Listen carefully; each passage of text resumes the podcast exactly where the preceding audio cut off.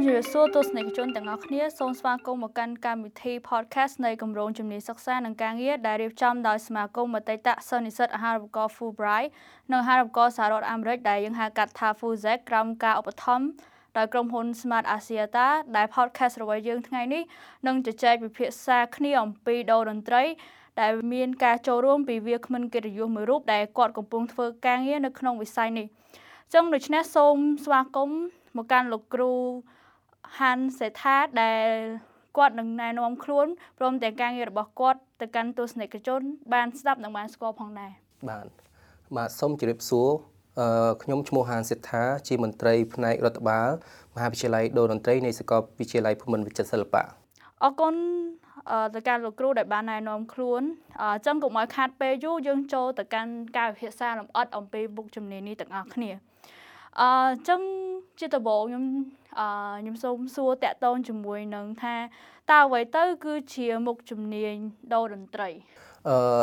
មុខជំនាញដូរតន្ត្រីគឺជាការសិក្សារព័ត៌មានដែលតាក់ទងពាក់ព័ន្ធនឹងតន្ត្រីហើយតន្ត្រីគឺជាសិល្បៈប្រភេទសំនៀងដែលជាលទ្ធផលដែលចេញមកពីបញ្ហាពលកម្មនិងហត្ថកម្មរបស់មនុស្ស ដោយមានការរៀបចំត្រឹមត្រូវសម្រាប់បកស្រាយមโนចេតនាមនុស្សនិងត្រាប់សម្លេងធម្មជាតិតាមរយៈបទភ្លេងឧបករណ៍ភ្លេងនិងចង្វាក់ភ្លេងអឺចឹងសម្រាប់នៅមុខវិជ្ជានេះតើមានកត្តាអ្វីដែលជំរុញទឹកចិត្តបងឲ្យជ្រើសរើសអឺសិក្សាក៏ដូចជាធ្វើការនៅក្នុងជំនាញមួយនេះដែរអឺនិយាយរួមទៅតាំងពីដើមមកខ្ញុំក៏អត់បានថាតាំងចិត្តថានឹង ជ្រើសរើសយកជំនាញដែរវាជាឧបនិស្ស័យចៃដន្យវាជាការចៃដន្យមកហើយក៏យើងមានណាទឹកចិត្តស្រឡាញ់និងចង់លើកស្ទួយក៏សម្រេចចិត្តជ្រើសរើសរៀនព្រោះឯសារអញ្ចេះកាលខ្ញុំពីដើមមកខ្ញុំជាអ្នកខេតមកពីខេតខ្ញុំមកពីខេតធម្មតាសាលាវិចិត្រសិល្បៈគឺគាត់រើសតាអ្នកដែលចប់ពីសាលាមធ្យមពីថ្នាក់មូលដ្ឋានរបស់គាត់មកទៅបានចូលរៀនឧត្តមហើយសម្រាប់សិស្សក្រៅគឺអត់ អត់ដែលមានទេត្រឹមតែឆ្នាំដែលខ្ញុំចប់បាក់ដប់ហ្នឹងខ្ញុំឡើងមកមកពេញហ្នឹងចៃដនអីសកលគាត់បានបើកការរើសសាកល្បងឲ្យអ្នកដែលបញ្ចប់នៅសាលាក្រៅហ្នឹងមានឱកាសប្រឡងចូលរៀនហ្នឹងគឺជាជានិស័យហ្មងមិននឹកស្មានថាយើងបានមានឱកាសចូលរៀនព្រោះយើងដឹងថាយើងអត់បានរៀនថ្នាក់មូលដ្ឋានគឺមិនអាចមានឱកាសចូលរៀនថ្នាក់ឧត្តមទេចឹងបងអ្នកមកពីខេត្តណាដែរអឺខ្ញុំមកពីខេត្តបន្ទាយមានជ័យ ហើយការដែលខ្ញុំរៀនសិល្បៈហ្នឹងមិនមែនជារៀនផ្នែកសិល្បៈចំហ្មងទេគឺមានន័យថាក្នុងមួយសប្តាហ៍មួយអាទិត្យហ្នឹងគឺការវិភាគមានរៀនថ្នាក់សិល្បៈហ្នឹង1ម៉ោងហើយ1ម៉ោងហ្នឹងគឺជារៀនពីនៅសាលាអង្គការគ្រួសារថ្មីសាលាហ្នឹងគឺគាត់មានបដោះបដាផ្នែកសិល្បៈដូចចម្លាក់បុរាណរបាំតន្ត្រីល្ខោនស្បែកចឹងចឹងបងបានសិក្សាខ្លះខ្លះតាំងពីថ្នាក់ក្រោមមករួចបាទដោយសារយើងបានរៀនខ្លះខ្លះតាក់ទងនឹងការនៅសាលាហ្នឹង មានម៉ោងនឹងខ្លះទៅទៅពេលយើងមកបំពេញហ្នឹងយើងបានចេះខ្លះខ្លះហ្នឹងដើម្បីប្រឡងចូលបើយើងអត់ចេះសោះគឺអត់អត់បានអញ្ចឹងអឺតានៅក្នុងជំនាញនេះបងឆ្លាញ់អ្វីជាងគេអឺនិយាយទៅបើនិយាយពីការឆ្លាញ់គឺឆ្លាញ់គ្រប់ទម្រង់បងប៉ុន្តែបើនិយាយពីការជ្រើសរើសយកគឺខ្ញុំឆ្លាញ់ផ្នែកបារាណហើយផ្នែកបារាណហ្នឹងក្នុងវងភ្លេងពិនពាគឺឧបករណ៍រនាតឯកដែលជាជំនាញដែលខ្ញុំរៀនសប្តាហ៍ហ្នឹងអឺ ចឹងចំពោះតាំងពីការសិក្សាក៏ដូចជាការប្រកបការងារចឹងតើបងជួបប្រទះឧបសគ្គអ្វីខ្លះនៅក្នុងវិស័យនេះដែរអឺឧបសគ្គមានច្រើនដំបូងបំផុតអឺសម្រាប់ខ្ញុំផ្ទាល់ក៏ខ្ញុំការគិតរបស់ខ្ញុំក៏ខុសដែរធម្មតាការគិតពីខេតមកអូសាលាវិចិត្រសិល្បៈយើងនឹកឃើញថាអូខ្ញុំចូលរៀនសាលាហ្នឹងគឺដឹងតែពីរៀនពីសិល្បៈដឹងតែពីលេងដឹងតែពីហាត់អញ្ចឹងណាតែពិតគិត ការគិតហ្នឹងគឺខុសទាំងស្រុងពេលខ្ញុំមកដល់សកលមិនដឹងថាអូគេរៀនមុខវិជ្ជាច្រើនពិបាកជាងគេហ្នឹងគឺថ្នាក់មូលដ្ឋានហ្នឹងហ្មងដែលយើងត្រូវរៀនមុខវិជ្ជាទូទៅហ្មងហើយតែយើងធ្លាក់ថ្នាក់មូលដ្ឋានអត់គ្រប់ credit របស់កោការគេទេគឺយើងមិនអាចឡើងមកឆ្នាំទី2ទេអញ្ចឹងគឺបញ្ហាខ្លាំងជាងគេគឺថ្នាក់មូលដ្ឋានដែលរៀនមានមុខវិជ្ជាច្រើន មានប្រវត្តិសាស្ត្រភូមិវិទ្យាហើយមូលដ្ឋានតាក់ទងកុំព្យូទ័រភាសាអង់គ្លេសហើយនិងអរិយធម៌ខ្មែរយើងគឺសិក្សាចូល បន្ទាប់មកបានយើងឡើងមកដល់ឆ្នាំទី2បានវាស៊ីស៊ីជម្រៅជាមួយនឹងផ្នែកជំនាញរបស់យើងហើយមកផ្នែករបស់យើង វាជាមុខវិជ្ជាដែលពាក់ព័ន្ធនឹងតន្ត្រីហ្មងអញ្ចឹងអឺបន្ទាប់ពីបងបានរៀបរាប់ពីមុខវិជ្ជាដែលបងរៀននៅថ្នាក់មូលដ្ឋានហើយចង់សម្រាប់3ឆ្នាំផ្សេងទៀតហ្នឹងតើអឺសិស្សគាត់សិក្សាអំពីអ្វីនៅពេលដែលគាត់ជ្រើសរើសសិក្សានៅមុខជំនាញមួយនេះដែរហ្នឹងហើយពេលយើងមកដល់ថ្នាក់ មហាវិទ្យាល័យហ្នឹងឆ្នាំទី2ទី3ទី4ហ្នឹងមុខវិជ្ជាដែលយើងត្រូវរៀនហ្នឹងគឺមានមុខវិជ្ជា piano តម្រូវ piano តម្រូវហ្នឹងគឺរៀនទូទៅទាំងអស់គ្នាហ្មងទោះបីអ្នកជំនាញបុរាណសម័យច្រៀងអីក៏ដោយក៏ត្រូវរៀន piano តម្រូវហ្នឹងដែរតបមកមុខវិជ្ជាជាតិបន្ធុតន្ត្រីវិទ្យាហ្នឹងគឺយើងសិក្សាពីទិសដីតន្ត្រីវិទ្យាហ្នឹងហើយមុខវិជ្ជាបញ្ជាវងភ្លេងដូចជាអានបញ្ជារេខាអក្សរភ្លេងហ្នឹងហើយអឺឧបករណ៍ជំនាញរបស់យើងផ្ទាល់គ្រូមួយសិស្សមួយហើយមុខ វិជ្ជាថ្នាក់រួមគ្រប់គ្រងសិល្បៈនិងមានម៉ោងប្រគំហើយមានម៉ោងប្រវត្តិតន្ត្រីសកលម៉ោងហមនីជាដើមច្រើនប៉ុន្តែវានៅក្នុងរង្វង់តន្ត្រីទាំងអស់អញ្ចឹងបើយើងមានការស្រឡាញ់ពិតគឺអត់អត់ពិបាកទេអឺ ចឹងខ្ញុំសូមសួរបងមួយទៀតតាក់ទងជាមួយនឹងនៅពេលដែលយើងសិក្សាផ្នែកដូរតន្ត្រីនេះគឺយើងសិក្សាទាំងដូរតន្ត្រីផ្នែកឧបករណ៍បុរាណហើយនិងសម័យអញ្ចឹង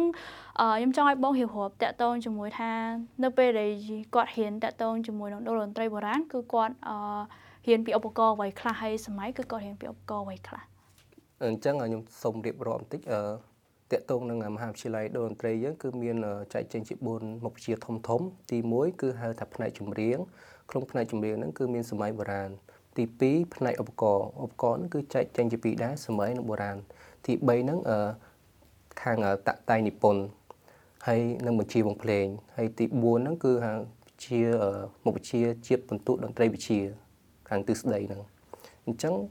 ឧបករណ៍បើតកតទៅនឹងឧបករណ៍ឧបករណ៍ចែកចេញជាសម័យបុរាណឧបករណ៍សម័យដូចមានដូចជា piano saxophone guitar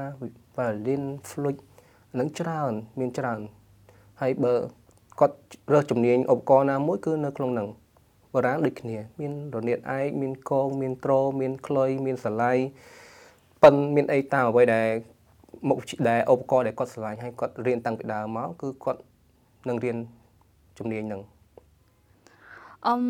ចឹងក្រៅពីសិស្សដែលដែលគាត់សិក្សាជំនាញហ្នឹងនៅក្នុងសាលាតើគាត់អាចទទួលចំណេះដឹងតាក់ទងជាមួយនឹងវិស័យតន្ត្រីនេះអឺពីខាងក្រៅបានដែរឬទេអឺនិយាយទៅតាក់ទងនឹងវិស័យតន្ត្រីហ្នឹងគឺទលំទលាយយើងមិនថានៅក្នុងសាលាឬក្រៅសាលាឯងយើងដូចជាគាត់មករៀននៅក្នុងសាកលអញ្ចឹងពេលអស់ម៉ោងសិក្សាគាត់តនេគាត់អាចជុំគ្នាឬក៏អាច ផ្លាស់ប្ដូរគ្នាទៅវិញទៅមកអូគាត់ចេះឧបករណ៍នេះខ្ញុំចេះឧបករណ៍នោះអញ្ចឹងយើងដូរគ្នារៀនទៅវិញទៅមកអាហ្នឹងជាឱកាសដែលគាត់រៀនហើយគាត់អាចតំណែងតំណងជាមួយគ្រូណាដែលយើងអូខ្ញុំឆ្លាញ់មុខជាគាត់ឬក៏មិនយើងអាចតំណែងតំណងគាត់យើងអាចសួរគាត់គាត់មិនចិត្តអាក្រក់ទេនិយាយទៅគ្រូគ្រូយើងមិនមិនប្រកាសថាយើងអាចសួរគាត់បានតែក្នុងម៉ោងរៀនឯក្រៅម៉ោងនេះក៏បានដែរចឹងគាត់អាចជឿរបៀបរៀននៃខ្លួនគាត់សិក្សាជាក្រុម ហើយក៏ដូចជាសិក្សានៅក្នុងថ្នាក់អឺចឹងបន្ទាប់ពីគាត់បានសិក្សាជំនាញនឹងចប់រយៈពេល4ឆ្នាំហើយអឺតើគាត់អាចនឹង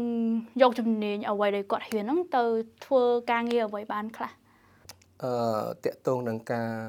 បញ្ចប់ការសិក្សាអឺអ្នកខ្លះគាត់មានដំកតិគាត់ថាអូខ្ញុំចប់ហើយខ្ញុំអត់ចង់ធ្វើការឲ្យគេខ្ញុំចង់ធ្វើជាអ្នកឯករាជ្យខ្លួនឯងអញ្ចឹងគាត់អាចខ្លាយទៅជាតន្ត្រីករ ឯករាជ្យមួយគឺក៏ជាអ្នកចម្រៀងឬក៏ជាអ្នកនិពន្ធ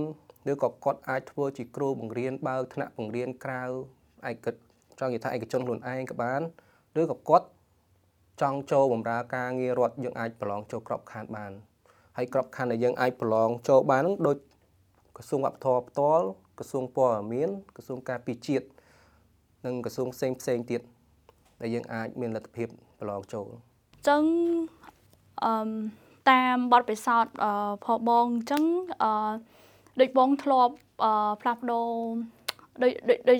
ចូលរួមជាមួយនឹងការសម្ដែងតន្ត្រីនៅបរទេសអញ្ចឹងតើបងគិតថាអឺសិស្សតើគាត់គួរធ្វើដូចនេះដើម្បីចាប់ឱកាសអឺផ្លាស់ប្ដូរបទពិសោធន៍នៅខាងសិល្បៈជាមួយនឹងបរទេសចឹងបានដូចបងអឺឱកាសបែបហ្នឹងគឺមានច្រើនឱកាសដែលយើងអាច ផ្លាស់ប្ដូរជាមួយនឹងបរទេសហ្នឹងគឺភាគច្រើនដូចជាខាងខ្ញុំទៅក្រៅប្រទេសភាគច្រើនជាមួយខាងអមរិតតាហ្នឹងអង្គការហ្នឹងដែលគេសហការជាមួយក្រៅប្រទេសហ្នឹងដូចជាមានការគេហៅថាប្រមូលប្រទេសជុំគ្នាដើម្បីផ្លាស់ប្ដូរប្រគំតន្ត្រីចូលគ្នាអញ្ចឹងបង្ហាញពីវប្បធម៌គ្នាទៅវិញទៅមកហើយសាលាយើងក៏មានតំណែងតំណងក្រៅប្រទេសដូចគ្នាអញ្ចឹងពេលខ្លះប្រទេសផ្សេងអញ្ចឹងត្រូវការឲ្យយើង និស្សិតហ្នឹងទៅ exchange ផ្លាស់ប្ដូរគ្នាសម្ដែងអីដូចគ្នាអញ្ចឹងទៅសិក្សាពីគ្នាទៅវិញទៅមកហ្នឹងគឺមានចឹងចំពោះនៅពេលហ្នឹងតើបងយល់ថាដូរតន្ត្រីនៅខាងយើងខាងប្រទេសខ្មែរយើងហើយជាមួយនឹងខាងបរទេសតើមានលក្ខណៈខុសគ្នាឬមួយក៏ដូចគ្នាដោយម្ដេចខ្លះឬមួយក៏មានលក្ខណៈពិសេសអ្វីអឺត្រង់ចំណុចហ្នឹងដែរវាស្ថិតនៅក្នុងប្រភេទតន្ត្រីដូចគ្នាប៉ុន្តែលក្ខណៈពិសេស រៀងៗខ្លួនមានដូចខ្មែរយើងគឺមានលក្ខណៈពិសេសរបស់យើង គឺយើងបែបសតុនលងលោចកលួចអីចឹងសលេងចង់និយាយថាពេលពេលដែលពួកគាត់បានមកចូលរៀននៅសកលគាត់នឹងដឹងថាភាពខុសគ្នាសម័យនឹងភ្លេងបច្ចឹមប្រទេសនិងភ្លេងបុរាណខុសគ្នាមិនខ្លះគឺនៅពេលដែលគាត់រៀនផ្នែកទិសដីតន្ត្រីវិទ្យានិងវិភាគតន្ត្រីហ្នឹងគឺគាត់នឹងយល់ដឹងថាចំណុចពិសេសរបស់ខ្មែរយើងមិនបរទេសមិនគាត់នឹងយល់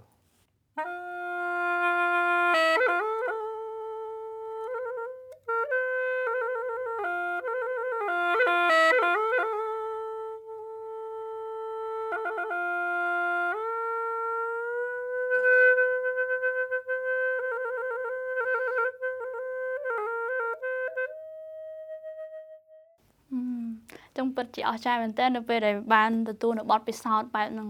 អឺចឹងអឺតាក់ទងជាមួយនឹងអ្វីដែលសិស្សគាត់មានចម្ងល់ជាងគេហ្នឹងគឺអឺនៅពេលដែលគាត់ធ្វើការបណ្ដាហើយនឹងរៀនបណ្ដាអញ្ចឹងតើបងគិតថាអាចនឹងមានផលវិបាកក៏ដូចជាមានអត្ថប្រយោជន៍អ្វីខ្លះចំពោះពួកគាត់ធម្មតាវាមានគុណសម្បត្តិគុណវិបត្តិដែរសម្រាប់អឺការដែលគាត់ធ្វើការបណ្ដារៀនបដា វាក៏ជារឿងល្អមួយដែរទីមួយធ្វើឲ្យគាត់បានអនុវត្តហើយគាត់នឹងមានការខំប្រឹងរីកចម្រើនគាត់បានឃើញមជ្ឈដ្ឋានទូទៅ ហើយគាត់នឹងអាចរកកម្រៃខ្លះដើម្បីជួយផ្គប់ផ្គង់ការសិក្សានិងកាត់បន្ថយការចំណាយរបស់គ្រួសារគាត់អានឹងចំណុចគុណសម្បត្តិតែគុណវិបត្តិនឹងភាគច្រើនចែកតែពេលដែលគាត់ចេញចេះរលុយចេះអីចឹងភាគច្រើនគាត់ចាប់ដើមខ្ជិលរៀនឯងខ្ជិលហើយធម្មតាភ្លេងអីភាគច្រើនលេងពេលយប់ លេងពេលយប់គាត់ធម្មតាទៅលេងហើយគាត់ចេះចុំគ្នាញ៉ាំអីចឹងយប់ជ្រៅម៉ោង2 3ភ្លឺចឹងមិនបានគេអញ្ចឹងពេលចឹងវាប៉ះពាល់នឹងការក្រោកមករៀនធ្វើឲ្យគាត់ធូរក្បាលអត់ស្លាគាត់ក្រោកអត់រួចពេលចឹងធ្វើឲ្យគាត់យូរទៅពិបាកទៅពិបាកទៅគាត់នឹងបោះបង់មានអ្នកបោះបង់ច្រើនតាក់ទងនឹងចូលរៀនបានប៉ុន្មានមួយឆ្នាំពីរឆ្នាំចាប់ដើមចេះលេងមានកន្លែងលេងមានអីចាប់ដើមណាយនឹងការរៀនអញ្ចឹងអាហ្នឹងចង់ដាស់តឿនពួកគាត់ដែរកុំឲ្យចោលការសិក្សា ព្រោះនៅពេលដែលយើងរលុយហើយគឺយើងររហូតប៉ុន្តែយើងពេលយើងចង់ងាកមករៀនវិញគឺពិបាកគឺវាអាចហួសពេលបើយើងរៀនចប់យើងរលុយគឺយើងររហូតហើយអញ្ចឹងបើបើតាមបើគាត់មានកលការច្បាស់លាស់มันมันពិបាកมันខត់มันឲ្យគាត់លេងទេគាត់លេងចោះប៉ុន្តែធម្មតាបើគាត់គ្រប់គ្រងខ្លួនឯងបានណាលេងហើយចប់គាត់ប្រញាប់មកផ្ទះមកអីសម្រាកឬក៏មើលមេរៀនព្រឹកឡើងមករៀនអាហ្នឹងអត់បញ្ហាព្រោះ បើតាមចប់ភ្លេងចប់ត្រឹមម៉ោង10មិន10អីទេបើយើងការលេងរបស់គាត់អឺចឹងតើបងគិតថាមនុស្សបែបណាដែលអឺស័កសមជាមួយនឹងការងារក៏ដូចជាជ្រើសរើសនៅមុខជំនាញដូរតន្ត្រីនេះដែរអឺមនុស្សដែលស័កសមនឹងដូរតន្ត្រី គឺមនុស្សដែលស្រឡាញ់តន្ត្រីហ្នឹងឯងហ្នឹងគឺស័កសមហើយព្រោះបើអ្នកអត់ស្រឡាញ់អ្នកអត់យល់អ្នកអត់ចូលចិត្តมันអាច មករៀនបានទេតកតងសិល្បៈនេះមួយទុះមកខំឲ្យរៀនក៏ពិបាកនឹងរៀនដែរអញ្ចឹងមានតែអ្នកដែលស្រឡាញ់នឹងឲ្យទៅស័កសមអឺប៉ុន្តែដូចបងបាននិយាយមិញអញ្ចឹងនៅពេលដែលសិស្សមួយចំនួនគាត់បានធ្វើការតាក់ទងជាមួយនឹងអឺ part time អញ្ចឹងអញ្ចឹងគាត់ចាប់ផ្ដើមប្រឡែងនៅក្នុងការសិក្សាអញ្ចឹងអញ្ចឹងបងគាត់ថាការឆ្លាញ់ផុសគាត់នឹងនៅពេលដែលស្រាញ់ការងារគាត់ខ្លាំងពេកហ្នឹងគឺអាចធ្វើឲ្យប៉ះពាល់ទៅដល់ អឺអនាគតគាត់ឬមួយក៏ពេលខ្លះគាត់អាចនឹងបោះបង់ពាក់កណ្ដាលទីចោលអញ្ចឹងហ្នឹងជាការឆ្លាញ់របស់គាត់ត្រូវហើយប៉ុន្តែពេលខ្លះអឺគាត់ភ្លេចខ្លួនគាត់ភ្លេចខ្លួនថាអូពេលយើងរៀនចប់យើងមានបញ្ញាបត្រអឺយើងរៀនចប់បញ្ញាបត្រយើងមានសញ្ញាបត្រហ្នឹងយើងនឹងអភិវឌ្ឍខ្លួនយើងបានខ្ពស់ជាងនឹងទៀតបើយើងរៀនអត់ចប់ទេយើងមិនអាចមានឱកាសប្រឡងចូលក្របខ័ណ្ឌរដ្ឋឬក៏នៅថ្ងៃក្រោយនៅពេលដែល ប្រទេសយើងរីកចម្រើន4 10ឆ្នាំទៅមុខទៀតវាច្បាស់ជាមានគេហៅថារក្សាសិទ្ធិបញ្ញានិងកម្មសិទ្ធិហ្នឹងគឺឧបមាយើងចង់បើកសាលាភ្លេងបើយើងអត់មានបញ្ញាបត្រខាងដូនត្រីគេមិនឲ្យយើងបើកអាហ្នឹងចង់និយាយថា4 10ឆ្នាំទៅមុខទៀតប៉ុន្តែឥឡូវអត់តន់អីទេគាត់ចង់បើកស៊ីតយកផ្ទាល់ខ្លួនចង់បើកអីអីគឺពេលខ្លះត្រូវការត្រូវការសញ្ញាបត្រហ្នឹងទោះបីគាត់គិតថាខ្ញុំអត់ចង់ធ្វើការងាររត់ក៏ដោយប៉ុន្តែវាសំខាន់ថ្ងៃក្រោយ អឹមចឹងដូចបងបានលើកឡើងមិញអញ្ចឹងចឹងបងគិតថាចំពោះការគិតផងបងវិញទៅអនាគតដូចជា10ទៅ20ឆ្នាំបន្ទាប់មកទៀតអឺតើតម្រូវការទីផ្សារតាក់ទងជាមួយនឹងដូរតន្ត្រីនឹងអាចខ្លាំងប៉ុណ្ណាដែរខ្ញុំគិតថាអាចខ្លាំងព្រោះចាប់ពីពេលហ្នឹងទៅយើងឃើញមានការរីកចម្រើនច្រើនហើយនឹងការឲ្យតម្លៃជាពិសេសអឺទស្សនិកជនយើង សប្ងៃគេមិនសូវជាគ្រប់គ្រងអ្នក copy ទេអញ្ចឹងគេឲ្យតម្លៃទៅអ្នកធ្វើអ្វីដែលថ្មីហើយសំបីតាកម្មវិធីធំធំទូទៅឥឡូវក៏មានការចង់និយាយថាទៅការតន្ត្រីទៅអីទៅកំដរអញ្ចឹងឱកាសទីផ្សារការងារក៏ច្រើនដែរឥឡូវបើបើយើងគិតពីនឹងទៅមុខទៀតវានឹងឡើងទៅរហូត អឹមចឹងអ្វីដែលបងបានហៀវរាប់អឺគឺបង្ហាញថាបងជាមនុស្សដែលស្រឡាញ់តន្ត្រីខ្លាំងមែនទែនចឹងបងសាកស្មៃមើលបើសិនជាបងអត់ជ្រើសយកអឺមុខជំនាញនេះតើអឺនៅពេលបច្ចុប្បន្ននេះបងនឹងអាចប្រកបជំនាញអ្វីឬមួយក៏ជ្រើសរើសជំនាញសិក្សាអ្វីជំនួសវិញអឺការខ្ញុំចប់បាក់ដប់ហ្នឹងអ្វីដែលខ្ញុំពងដែលចង់រៀនហ្នឹងជំរឿទី1មានផ្នែកខាងគ្រប់គ្រង ផ្នែកគណនេយ្យនិងផ្នែក IT ប៉ុន្តែយើងអត់នឹកស្មានថាយើងមកដល់ទីក្រុងដូចខ្ញុំនិយាយខាងលើហ្នឹងគឺចៃដនអីយើងមកសាលាលេងអញ្ចឹងទៅក៏គេប្រកាសរើសឲ្យយើងប្រឡងចូលអញ្ចឹងចៃដនអីយើងប្រឡងជាប់អញ្ចឹងក៏ចូលរៀនទៅហើយការហ្នឹងក៏ខ្ញុំពងចេះដែរការហ្នឹងខ្ញុំរៀនពងរៀនមហាវិទ្យាល័យ2ដែរក្នុងពេលតែមួយហ្នឹងប៉ុន្តែដោយសារការវិភាគយើងវាឆ្លាស់គ្នាអញ្ចឹងឆ្លាស់គ្នាដោយសារ អញ្ចឹងយើងមិនអាចងាយខ្លួនយើងទៅរៀនពីមហាវិទ្យាល័យបានទេគឺវាប្រតិម៉ោងគ្នាហើយប៉ុន្តែនៅពេលដែលខ្ញុំរៀនបានដល់ឆ្នាំទី3ឆ្នាំទី3ខ្ញុំបានចូលទៅរៀនផ្នែក IT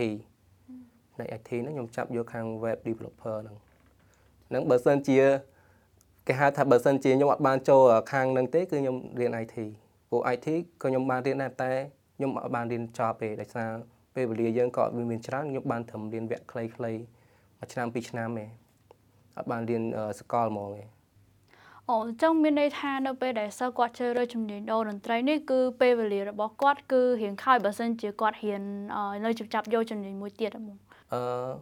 មិនជាខើចទេអឺដោយសារចេះការវិភាគពេលខ្លះឆ្លាស់គ្នាព្រឹកងាយព្រឹកងាយអញ្ចឹងមិនមិនជាព្រឹកព្រឹកសុទ្ធហ្មងទេណាគឺមានព្រឹកមានល្ងាចដោយសារអញ្ចឹងតែបើគាត់រៀនយប់បាន ចឹងគាត់នៅតែអាចរៀនមុខវិជ្ជាមួយទៀតនៅពេលយប់នៅពេលគាត់បាទបានគាត់អាចរៀនបានឬក៏សៅរ៍អាទិត្យគាត់អាចរៀនបានសាលាផ្សេងអញ្ចឹងតែដោយសារពេលខ្ញុំឡងពេលខ្ញុំរៀនហ្នឹងខ្ញុំធ្វើការងារច្រើនវាខ្ញុំចូលរៀនខាងសំដែងផងខាងអីផងអញ្ចឹងខ្ញុំបែងចែកពេលវេលាខ្លួនឯងច្រើនដូច្នេះក៏ខ្ញុំផ្អាកអត់រៀនពីសកលទេដោយសារអីខ្ញុំចង់ចាប់មួយឲ្យចប់សិន អឺចឹងដោយសារតែពេលវេលាយើងមានកំណត់អញ្ចឹងបងមានពាក្យពេចន៍អ្វីចុងក្រោយសម្រាប់ផ្ដាំផ្ញើទៅដល់អឺសិស្សប្អូនដែលគាត់នឹងត្រៀមបញ្ចប់ស្ថាប័នប្រសុំសិក្សាទុតិយភូមិនៅពេលខាងមុខនេះក៏ដូចជាអ្នកដែលចូលចិត្តនៅវិស័យតូនតន្ត្រីនេះផងដែរអឺសម្រាប់สนងពោបើសិនជាគាត់ស្រឡាញ់មានចិត្តចង់ចូលរៀនឲ្យគាត់ព្យាយាមមកប្រឡងដើម្បីចូលរៀនចោះហើយ បើសិនជានឹងបើសិនជាគាត់បានចូលរៀនហើយអីហើយអ្វីដែលចង់ផ្ដាំផ្ញើទៅពួកគាត់គឺចង់ឲ្យគាត់ចាប់គ្នាបង្កើតជាក្រុមព្រោះបើយើងសិល្បៈយើងធ្វើការងារជាក្រុមគឺលឿនយើងអាចបង្កើតជាក្រុម band មួយយើងហាត់សមគ្នានឹងគឺជាការរីចម្រើនល្អហ្មងហើយ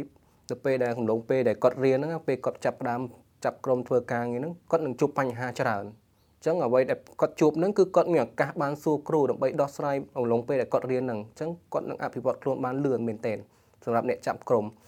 ហើយនៅពេលដែលគាត់ធ្វើស្នាដៃបានច្រើនគាត់អាចនឹងវិវត្តខ្លួនទៅជាក្រុមមួយដែលគេទទួលស្គាល់ល្បីក៏ថាបានដែរចឹងអឺ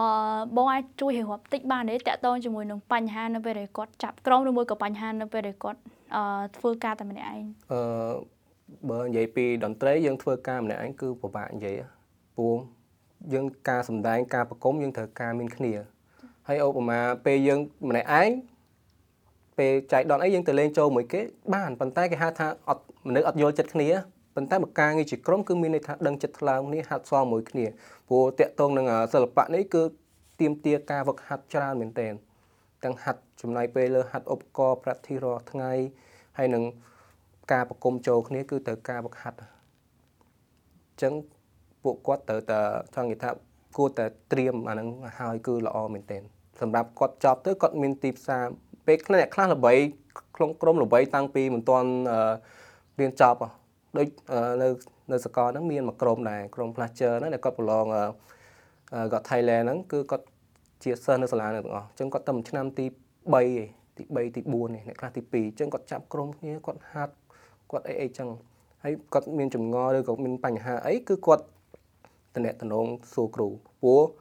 មានអីនៅក្នុងហ្នឹងគឺយើងអាចចុំគ្នាទាំងអស់ហើយឧបករណ៍អ្នកណាអ្នកណាក៏មានដែរហើយអ្នកនិពន្ធក៏មានអ្នកជំនាញក៏មានយើងមូលគ្នាទៅបាទឱកាសការងារអញ្ហ្នឹងគេហៅថាបង្កើតឱកាសឲ្យខ្លួនឯងអញ្ចឹងជារឿងល្អមិនបាច់តែយើងបង្កើតឱកាសឲ្យខ្លួនឯងយើងមានស្នាដៃយើងដោះចេញជាផ្កាយផ្លែផ្កាហើយគឺមិនខ្វះអ្នកដែលគេមើលឃើញយើងអញ្ចឹងគេនឹងផ្ដល់ឱកាសទីផ្សារឲ្យគាត់ច្រើនជាងទៀតអញ្ចឹងមានន័យថានៅពេលដែលគាត់រៀនចប់គឺគាត់ចេះ ប្រើប្រាស់គ្រប់ឧបករណ៍ទាំងអស់អត់ទេចង់និយាយចេះមានន័យថាឯកទេសមួយគ្រូមួយ គឺដូចខ្ញុំឯកទេសរនាតគឺចាប់ពីឆ្នាំទី1ទី2ទី3ទី4គឺយើងរនាតឯករហូតប៉ុន្តែ គេក្នុងនឹងគឺគេមានមុខវិជ្ជាការវិភាគហ្នឹងគឺមានថាមុខវិជ្ជាតម្រូវមុខវិជ្ជាតម្រូវហ្នឹងដូចជាផ្សាណូគឺតម្រូវឲ្យតែរៀនហ្មងតម្រូវរៀនគ្រប់គ្នាទោះបីយើងអ្នកចម្រៀងក៏ដោយអ្នកសម័យក៏ដោយអ្នកអីក៏ដោយគឺរៀនផ្សាណូទាំងអស់គ្នាគ្រប់សិស្ស បន្ទាប់មកគេមានម៉ោងមួយទៀតគេហៅថាម៉ោងឧបករណ៍ជ្រើសរើសអញ្ចឹងគេនឹងឲ្យយើងជ្រើសរើសឧបករណ៍មួយដែលយើងពេញចិត្តក្រៅពីជំនាញរបស់យើងយើងស្រឡាញ់ឧបករណ៍អីយើងរៀនឧបករណ៍ហ្នឹងឧបករណ៍ដែលយើងមិនចេះសោះក៏បានដែរឲ្យតែយើងស្រឡាញ់ដូចដូចជាខ្ញុំខ្ញុំជំនាញនាតទេតែខ្ញុំស្រឡាញ់អូខ្ញុំចង់ចេះផ្លុំបៃអបៃពោកអញ្ចឹងខ្ញុំដាក់ម៉ោងតម្រូវខ្ញុំខ្ញុំរើសយកឧបករណ៍ហ្នឹងដល់ម៉ោងជ្រើសរើសអញ្ចឹងខ្ញុំរើសយកឧបករណ៍ហ្នឹងអញ្ចឹងយើងបានរៀនឧបករណ៍ហ្នឹងថែមទៀតតាមអ្វីដែលយើងចង់រើស មិនមិនប្រកាសថាយើងបារានយើងរើសយកបារានទេយើងបារានយើងក៏អាចរើសយកសម័យអូខ្ញុំឧបករណ៍ជ្រើសរើសចង់រៀនហ្គីតាខ្ញុំជំនាញបារានទេ